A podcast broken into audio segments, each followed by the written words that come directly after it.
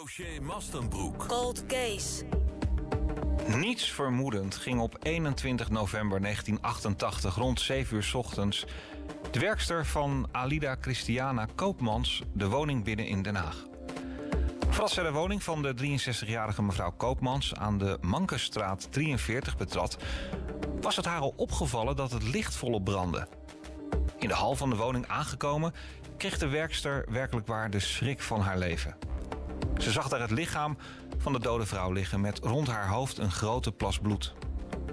Mevrouw Koopmans stond midden in het leven. Ze studeerde zelfs op 63-jarige leeftijd nog klassieke talen aan de faculteit der letteren in Leiden.